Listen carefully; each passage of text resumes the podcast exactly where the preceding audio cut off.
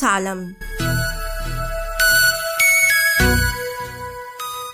معي أنا سليمة لوبال.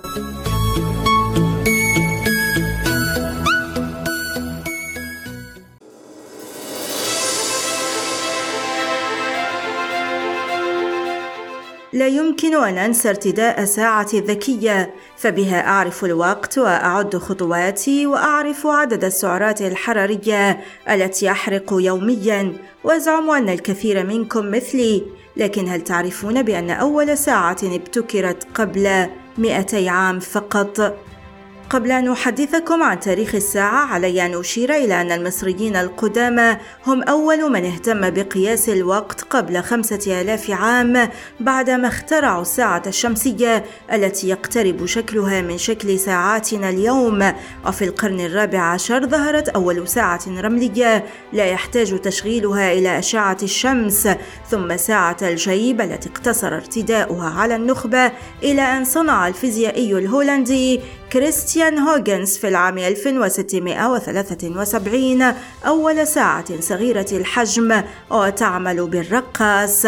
لكن أول ساعة معصم صنعها السويسري أبراهام لويس بريغي العام 1812 بطلب من الملكة كارولين شقيقة نابليون بينما كان الرجال في ذلك الوقت يرتدون ساعة الجيب والنساء يضعن الساعة في عقد أو شريط يلف أعناقهن.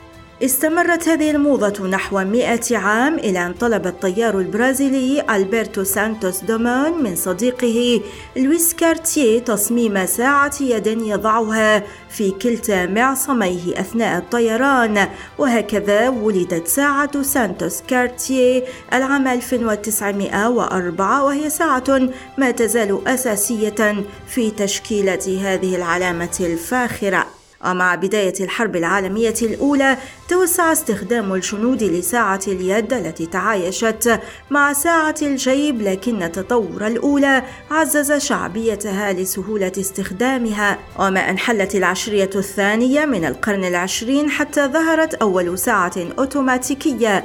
ففي العام 1926 ابتكرت رولكس علبة أويستر التي تعد أول علبة ساعة معصم مقاومة للماء.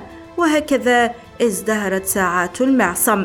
كما شهدت الثلاثينيات من القرن الماضي إطلاق أولى الساعات التي تعمل بالبطاريات بفضل تكنولوجيا كوارتز لكن تاريخ صناعة الساعات الفاخرة عرف تحولا كبيرا في الحرب العالمية الثانية مع اختراع أشباه الموصلات ما سمح لصناع الساعات باعتماد حركات صغيرة في الساعات. كان صانعو الأقفال في البداية هم من يصنعون الساعات التي تحولت شيئا فشيئا إلى صناعة قائمة بذاتها توفر منتجات فاخرة وأخرى في متناول الجميع. بعضها تقليدي والبعض الآخر ذكي. يمنحك فرصة الإبحار في عالم أبعد ما يكون عن الساعات.